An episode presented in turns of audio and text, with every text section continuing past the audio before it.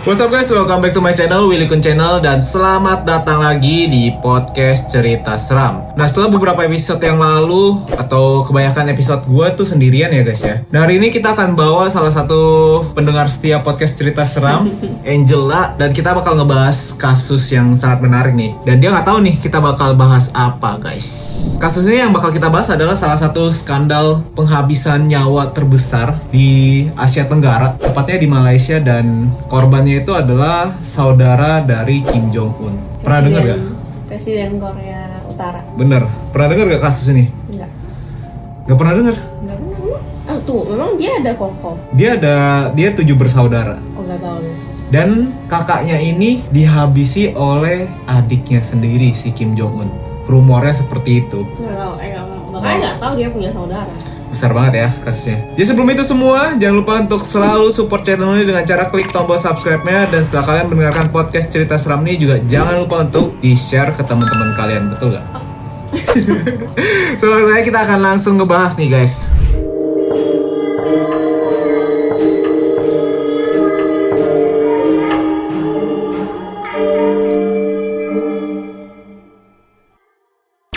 Gue bakal ceritain dulu kronologinya ya. Jadi kronologi ini terjadi tepatnya tanggal 13 Februari 2017. Jadi satu hari sebelum Valentine, Kim Jong Un mengirimkan sebuah hadiah kasih sayang kepada kakaknya. Yang telahir. Kiriman terakhir yang dia nikmati di airport guys. Jadi ini ceritanya bermula pada tanggal 13 Februari 2017 di mana kakaknya ini dia itu mau pergi pulang ke Makau. Oke. Jadi buat teman-teman yang nggak tahu, kakak dari Kim Jong Un ini sudah diasingkan dari Korea Utara. Kenapa nanti bakal gua jelasin kenapa dia diasingkan. Tapi pada hari kejadian, tepatnya pukul 8 pagi, kakaknya itu lagi ke Klia 2. Jadi dia lagi di Selangor, Malaysia ya. Dia mau balik ke Makau. Nah, tepatnya pas jam 8 itu rupanya ada dua orang perempuan yang mengikuti dia dari belakang. Ini suruhan adiknya. Tapi mereka tidak tahu. Jadi dua wanita ini mengikuti kakaknya dari belakang terus tiba-tiba dia itu langsung dilap mukanya pakai kain basah. Dilap. Dilap mukanya pakai kain basah. Dibekap atau Enggak, dilap? dilap aja. Dilap kayak 3 detik lep gitu. Bener-bener konyol banget kan. Setelah itu, setelah kejadian dua wanita ini kaget dan setelah diselidiki baru tahu rupanya kedua wanita ini juga nggak tahu kalau itu adalah kakak presiden Korea Utara yaitu si Kim Jong Nam di mana mereka itu telah tidak sengaja menuangkan racun syaraf ke dalam lap kainnya itu. Jadi mereka berdua itu mengira mereka itu diajak untuk acara reality show prank.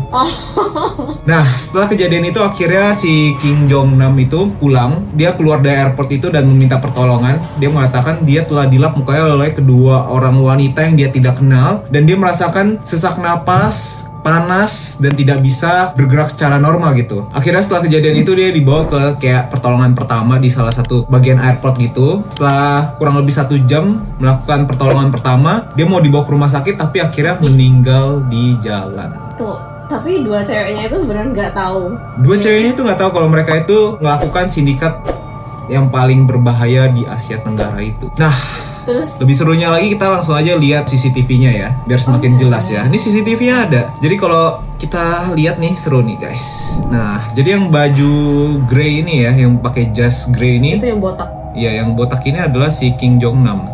Dia ke airport jam 8, sudah ramai ya. Di situ dia lagi mau ke loket check-in. Pas dia mau ke loket check-in, tiba-tiba dia didatangi oleh dua orang wanita tuh dari belakang. Sap, dilap mukanya, serap. Dilap, sap, cepet banget kan adegannya. Habis itu langsung kedua wanita itu meninggalkan pria ini. Nah, setelah kejadian itu dia langsung minta pertolongan. Dia minta pertolongan, dia bilang dia udah di muka, mukanya tuh udah dilap, dia ngerasakan sesak napas nggak bisa napas lagi, sakit-sakit beberapa beberapa jam kemudian dia itu dibawa ke rumah sakit, tapi sayangnya di dalam perjalanan dia dinyatakan meninggal dunia. Tapi aneh banget, maksudnya dia kan dari keluarga presiden gitu kan. Iya. Kok nggak ada kayak pengawalnya kayak Karena dia diasingkan. segimanapun diasingkan pasti harusnya ada yang jaga gak sih? Kalau apalagi mau travel ke mana-mana.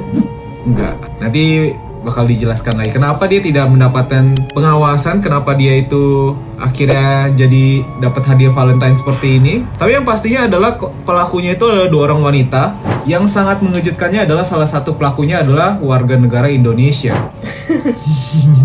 Oh bukan dari Korea. Bukan dari Korea. Jadi pelakunya adalah dua orang wanita, yang satu dari Vietnam dan satu lagi dari Indonesia. Dua ceweknya juga saling nggak kenal. Dua wanitanya juga nggak saling kenal. Dan yang paling ciri khas dari pelakunya ini adalah dia menggunakan kostum LOL. Ini wanita yang dari Vietnam dia pakai pakai baju LOL, Lot of Lot. Jadi dia kira bener-bener ini adalah acara reality show yang melibatkan uh, kru TV di mana dia harus ngerjain satu orang di airport tersebut. Oh. Tuh, jadi sebenarnya yang nyuruh mereka ini itu tuh udah nge-aim, maksudnya udah nyuruh kayak Udah. harus orang ini ya harus ini. orang ini. Nah, jadi setelah diselidiki dari kasus ini, beberapa hari kemudian sebenarnya pihak dari Malaysia juga belum tahu kalau korbannya itu adalah kakak dari Kim Jong Un yaitu Kim Jong Nam. Karena pada hari kejadian, Kim Jong Un itu yang telah diasingkan menggunakan paspor palsu, palsu bernama Kim Chol. Mereka kira ini bukan kakaknya Kim Jong Un pada saat itu. Dan beritanya baru ketahuan, ini kakak dari Presiden Korea Utara pada saat itu adalah berita dari Korea Selatan. Cukup ribet ya. Jadi Interpol dari Korea Selatan memang sudah melihat pergerakan dari Korea Utara. Kalau ada pergerakan di mana mereka berupaya untuk menghilangkan nyawa dari kakaknya Kim Jong Un. Karena memang kenapa dia mau dihilangkan? Nah ini adalah salah satu penyebabnya Kim Jong Un takut pemerintahnya itu akan bergoyang dan akhirnya jatuh kepada kakaknya. Hmm. Karena kebetulan sekali, kalau kalian yang juga belum tahu ya guys ya, Kim Jong Un dan Kim Jong Nam ini memang satu ayah tapi berbeda ibu. Oh. Jadi mereka itu adalah saudara tiri dan Kim Jong Nam itu adalah anak pertama dari Kim Jong Il.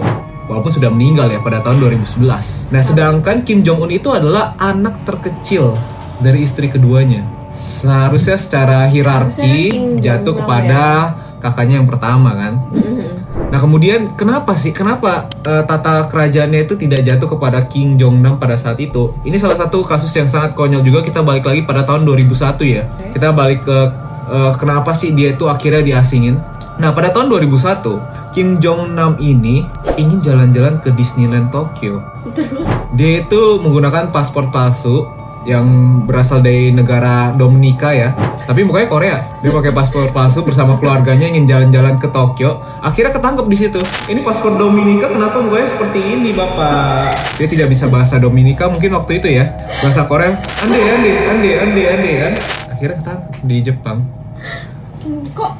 Kok kok ngide muka Asia Iya. kayak gitu kayak Dia ketangkep waktu itu akhirnya pada tahun 2001 Tangkap pada tahun 2001 Dan akhirnya karena berita penangkapan anak pertama dari Kim Jong Il ini Pemimpin terbesar di Korea Utara itu ya Kok bisa ketangkep konyol seperti kayak itu malu jadinya. Hmm, Akhirnya itu dia diasingkan Dia itu membuat malu tata kerajaan di Korea Utara pada saat Cuman itu karena mau ke Disneyland. Iya, karena mau ke Disneyland bersama keluarganya pada saat itu Anjir. Akhirnya dia diasingin tahun 2003 dia baru diasingin. Dia nggak boleh lagi pulang ke Korea Utara dan harus tinggal di Makau. Akhirnya dia tetap di Makau, Oh terima kasih. tetap di Makau. Tapi beberapa tahun setelah melihat kayak kan pasti ayahnya ada kelihatan sakit lah ya. Hmm. Dan tata kerajaan tuh udah mulai kelihatan akan diwariskan kepada salah satu anaknya. Sebenarnya ada lagi salah satu pewaris yang kelihatan oke lah, tapi rupanya setelah dilihat-lihat dia itu wataknya sensitif gitu.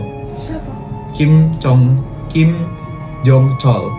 Cowok. Cowok juga, ini. dia cowok juga, tapi dia kelihatan kayak wataknya sensitif. Akhirnya ayahnya melihat kalau watak yang sangat mirip dengan dia adalah si Kim Jong Un ini. Tata kerajaan sudah mulai diberikan dan sebenarnya pergerakan sebelum ayahnya ini meninggal pada tahun 2011, mereka itu sudah mulai kayak ingin menghilangkan nyawa kakaknya si Kim Jong Nam yang ada di luar Korea gitu. Karena walaupun di luar Korea, Kim Jong Nam ini sering mengkritik secara keras tata kerajaan dari pemerintahan Korea Utara pada saat itu gitu. Jadi pada tahun 2011 ayahnya meninggal, ada beberapa serangkaian yang memang sudah dilakukan militer rahasia lah, kayak spy gitu ya, kayak anggota rahasia yang ingin menghilangkan nyawa kakaknya seperti ada kayak berusaha untuk menabrak lari lah, apa pun gitu. Tapi karena kakaknya ini juga tahu dia itu bermain dengan siapa, dia juga mainnya sembunyi-sembunyi dan berusaha semungkin sebisa mungkin tidak terlihat di atas permukaan. Kayak ganti paspor, abis itu hidup di tempat yang tidak mewah. Bahkan ketika penerbangan dia di yang Malaysia ini, dia menggunakan pesawat ekonomi. Makanya pada saat itu kenapa dia nggak ada penjagaan sama sekali? Oh, tapi aneh ya. Iya, karena dia juga diincar pada saat itu. Keluarganya bener-bener banget. kalau kalau nggak suka langsung selesai gitu ya. Nah, terus balik lagi di dalam kejadian ini ya. Sebenarnya pas mereka balik ke bawah ini, ke bawah tempat apanya? Tempat pertolongan pertamanya itu, dokter yang ada di sana mengatakan memberikan kesaksian sepertinya keadaannya itu sangat serius. Walaupun dia ada, waktu itu pas datang masih bisa berjalan, tapi beberapa menit sampai di situ Eh, dokter memang merasakan ada cairan cairan yang tidak berwarna dan tidak beraroma gitu. Tapi pada saat itu dokter ambil tisu dan dilap gitu. Dia lihat memang nggak ada warna nggak ada ini tapi Tapi ada cairannya. ada cairan di mukanya. Beberapa saat ketika dilap dia udah mulai kehilangan sadar terus kayak orang lagi kayak overdosis gitu ya. Matanya naik ke atas. Matanya naik ke atas dia mulai kayak kejang-kejang. Dokter ngilangin kejangnya berhasil tapi sayangnya ya gitu dalam perjalanan tidak bisa diselamatkan. Usut punya usut dia itu kenanya racun syaraf. Racun syaraf. ya racun syarafnya ini mirip seperti racun yang ada di ikan buntal. Hmm. jadi pergerakannya itu sangat cepat sekali bener. Sangat cepat sekali. Terus dua cewek ini Nah, dua cewek ini serunya lagi ya. Setelah kejadian itu, menurut keterangan dari Siti Aisyah ya, kita nggak usah fokus ke yang satunya lagi lah, yang Vietnam ketangkep, tapi Siti Aisyah juga ketangkep. Akhirnya dia memberikan kesaksian di mana dia itu ikut acara reality show. Dia bertemu dengan seorang pria bernama James nih. Kalau mau lihat muka James bisa juga, ya. Siti Aisyah ini mukanya seperti ini. Dia muka Siti Aisyah ini seperti ini. Dia memberikan kesaksian kalau dia bertemu dengan seorang pria Korea, di mana dia minta untuk eh, ngelakuin ngeprank nih. Dia bertemu dengan seorang pria bernama James. Nah, Oh ini. ya, dia bertemu dengan James. Dia diminta untuk ngelakuin acara prank di reality show. Sebenarnya sebelum kejadian ini juga, dia itu udah melakukan beberapa eh, kegiatan prank gitu loh Siti Aisyah. si Siti Aisyah ini pertama si wanita Vietnam itu udah ngelakuin beberapa prank dan mereka tuh menggunakan kayak baby oil kemudian kayak eh, bedak gitu terus prank muka orang terus ngelakuin apa-apa gitu Pantes jadi nggak curiga. Eh, sudah mereka. beberapa kali dan dia tuh sudah dibayar sudah dibayar beberapa kali sampai di hari kejadian ini Siti Aisyah itu bertemu dengan si James ini di cafe salah satu cafe di airport ini ya dia tuh datang terus di- dikasih cairan di tangannya dia kira mungkin baby oil lah ya Hmm. terus pada saat itu juga James ini bilang "E, korbannya kali ini adalah pria gemuk botak menggunakan eh, jaket Abu-abu. grey abu-abu itu. Dia udah ditargetkan tuh yang mana dia bilang nih tuh yang itu tuh. Setelah melihat pelakunya itu langsung berdua dua wanita ini bergerak dengan cepat kirain acara prank dia langsung serp gitu.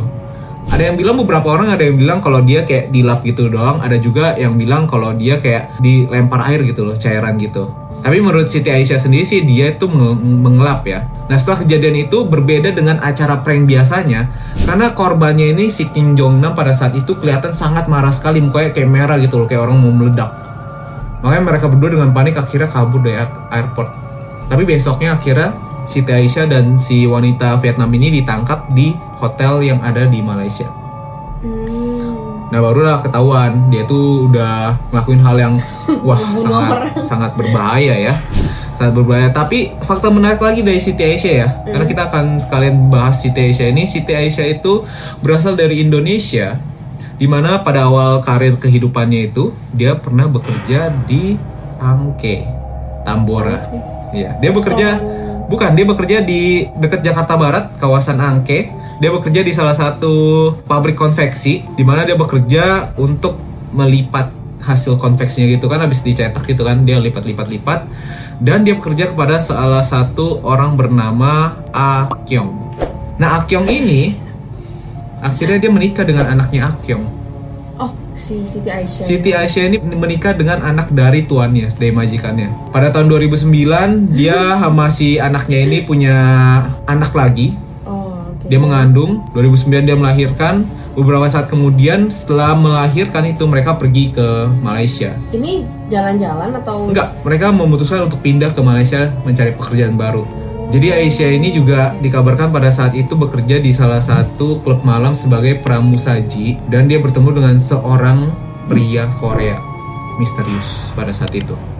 Dia ditawarin gimana kalau mau gak ikut acara reality show prank aja gitu di mana satu kali acaranya itu dia digaji 1,5 juta Oh, pantes lah. Nah, jadi kayak dia ngeliat gampang lah nih pekerjaannya oke kan. Sudah oke rupanya ya begitu ujungnya. Dia menjadi skandal terbesar di Asia Tenggara sampai saat ini. Menghabisi kakaknya dari Kim Jong Un. Jadi pernah kerja. Pernah kerja di sini. Deket banget ya di Jakarta Barat nih deket banget sama lokasi produksi podcast cerita seram guys. Nah setelah kejadian itu akhirnya ya udah dia sempat ditahan selama 2 tahun di pemerintahan Malaysia pada saat itu wakil presiden kita Yusuf Kala berusaha untuk melepaskan dia karena dia de- sebenarnya memang dari tutur cara dia berbicara dan memberikan kesaksian dia benar-benar polos dan Kelihatan nggak bohong. nggak bohong dua tahun di penjara dan melakukan beberapa penyelidikan terhadap dia gitu dia akhirnya dinyatakan bebas. Karena tidak ada bukti yang menuju kepada dia kalau dia merencanakan itu semua. Dan dia juga sebagai korban kejahatan dari Korea Utara ini sendiri. Dan di mana pelaku utamanya itu setelah dicari tahu adalah empat orang eh, berwarga kenegaraan Korea Utara. Tapi sampai sekarang mereka berhasil kabur Yang James itu belum ketangkep. James nggak ketangkep. Jadi uniknya sekali ya, kalau kita perhatikan setelah diperiksa dan dilihat ini ya, sindikat pelaku ini benar-benar sangat rapi sekali. Kejadian ini telah direncanakan selama berbulan-bulan, di mana pelakunya itu si James ini juga setelah kejadian itu dia sempat ngecek keadaan dari King Jong Nam yang sudah tidak berdaya di dalam kayak tempat pertolongan pertamanya itu loh. Ada seorang ada seorang eh, pria menggunakan koper gitu. Dia ngeliat gitu di keramaian gitu. Dia ngecek keadaannya. Ini udah di ini udah di ini belum udah ditanganin secara medis belum? Karena kalau ditanganin sudah pasti tidak akan selamat. Apalagi di tempat situ tidak dibawa ke rumah sakit ya. Dia lihat nggak ada. Terus rupanya di sini juga ada sindikat-sindikat di mana ada yang mengawasi sekitar bagian keluar ada juga yang operator spesialnya itu yang melihat keadaan. Dan di bagian depan sudah ada mobil yang siap menjemput kawanan mereka bukan dua orang wanita tadi ya. Keempat eh, warga negara Korea yang ada di situ yang menjalankan tugasnya. Ya ampun. dia udah sempet dicek udah disempet lihat oh ini udah nggak akan selamat nih. Ditinggal langsung mereka pergi dan mereka kabur. Sampai sekarang tidak berhasil ditangkap. Hmm, jadi sangat rapi sekali kejadian ini guys. Gila. ya. dan ini dombanya ini ya dua orang wanita yang tidak tahu kalau mereka udah dikerjain. Penjagaannya sungguh sangat ketat. Anyway eh, kalau CCTV ini juga keluarnya bukan dari pemerintahan Malaysia dan bukan pemerintahan Korea Selatan atau Korea Utara ya Terus Korea jadi? keluarnya dari pemerintahan Jepang yang lagi mengulik kasus ini. Mereka akhirnya dapat, mereka keluarkan secara terbuka gitu. Kok ribet Iya. banget ya. Dan akhirnya sih eh, beberapa saat kemudian sebenarnya tubuh dari si Kim Jong Nam ini kan udah nggak bernyawa lagi ya. Dia tuh mau dibawa oleh pemerintahan Korea Utara untuk pulang ke negaranya. Hmm. Tapi beberapa saat kemudian sebenarnya be- sempat bentrok karena harus ada salah satu anggota keluarganya yang datang ke sana untuk memberikan DNA. Itu benar bukan Kim Jong Nam. Karena paspornya kan beda kan. Iya, iya, iya. Jadi mereka harus datang kasih DNA dan pemerintahan Malaysia sendiri cukup tegas dengan kasus ini. Mereka mengatakan segala sesuatu kejadian yang terjadi di Malaysia itu harus mengikuti hukum Malaysia, termasuk Korea Utara juga. Mereka tidak takut di, boom. Tuh, jadi ini jadi bawa pulang ke Korea Utara. Akhirnya dia bawa pulang. Aneh banget sih. Jadi begitulah kasusnya. Sampai sekarang masih belum tahu ini sebenarnya kerjaannya Kim Jong Un atau belum. Cuma rumor. Eh, rumor mengatakan aja sih, belum dikatakan, belum belum fix sebenarnya siapa pelakunya. Tapi pelaku utama dari kejadian ini empat orang Korea Utara itu tadi. Karena mereka nggak ketangkep dalang utama dari kasus ini nggak tahu siapa. Tapi benar nggak ketangkep sama sekali. Nggak ketangkep langsung cabut. Aneh banget. Berarti harusnya masih ada di sekitaran. Enggak lah, kan sudah langsung keluar, udah langsung. Jadi bener-bener sudah secara detail gitu, udah langsung kasusnya eh, pekerjaannya selesai langsung dibawa pergi gitu. Nggak ada lagi di Malaysia. Yang sial tuh dua cewek. Dua cewek itu. Tapi sekarang sudah bebas sih, sudah bebas. Mereka berterima kasih sama Bapak Jokowi dan Menteri Luar Negeri di Malaysia yang membantu mengusut kasus ini dan membela mereka tidak berhenti-hentinya gitu loh. Tapi ya kena prank sih. Mereka mau prank, eh mereka yang kena prank. Bangun-bangun tiba-tiba kamu ditangkap. Jadi belajar dari kasus ini nih guys, kita harus jangan jangan polos gitu loh. Apalagi yang prank-prank seperti ini lagi banyak Tapi- banget ya. tapi kan ini mana nyangka sih ini kan kayak bukan sekali ya. Iya. kayak misalnya kan udah ngeprank orang berapa kali-kali terus dapat duitnya juga dikasih duit langsung kan Bener. mana nyangka yang lahirnya ini begini demi konten ya jangan demi konten nanti malah keciduk kayak gini guys uh berbahaya nah itu dia kasus hari ini bagaimana Angela kasus hari ini aneh simple ya simple. Tapi tapi kayak kayak bingung, bingung aja kayak kok bisa kayak gini? Padahal tapi aneh ya padahal satu keluarga tapi ada yang bisa mikir beda. Ya bener. Bagaimanapun pemerintahan Korea Utara selalu menghebohkan dunia. Tapi Erik ingin tahu. Kita bisa gak sih Korea Utara bisa tapi nggak boleh foto nggak boleh apa-apa. iya banyak. Tapi kok saya pernah tahu lihat di YouTube ada kayak orang bikin vlog di Korea Utara gitu. Tapi boleh cuma Hmm. memang ada kayak ada beberapa hal yang nggak boleh disorot. Tapi kayak seru sih. Iya. Sana. sana. Tiketnya mahal gak sih. Kayak sama kayak ke Korea deh. Cuma eh, buat visanya yang sedikit susah deh. Kayaknya ya kayak gitu ya. Tapi sih. Kalau ada kesempatan Kalau ada ada kesempatan. duit Mungkin buat teman-teman yang pernah jalan-jalan ke Korea Utara ya guys ya, bisa di-share gimana sih caranya ke Korea Utara karena Angela mau ke sana guys. Nah itu dia kasus hari ini ya. Makasih banget buat teman-teman yang sudah mendengarkan podcast cerita seram ini yang kita bawakan berbeda ya di bungkusan kali ini lebih santai, lebih simple sambil ngobrol sama Angela. Kalau kalian suka dengan konten-konten seperti ini jangan lupa juga di komen atau kalian juga bisa request mau bahas konten apa ya Angela? Bahas konten eh konten yang Jepang-Jepang dong konten yang Jepang-Jepang tuh guys. Kalau kalian mau bisa langsung aja tulis di komen atau langsung aja DM di Instagram gua di Willy Kun guys. Makasih buat banget buat teman-teman yang sudah dengerin ya. Jangan lupa untuk di subscribe dan di share podcast cerita seram ini. Gue Willy Kun dan Angela. Mohon untuk undur diri ya guys. Bye bye. Thank you guys.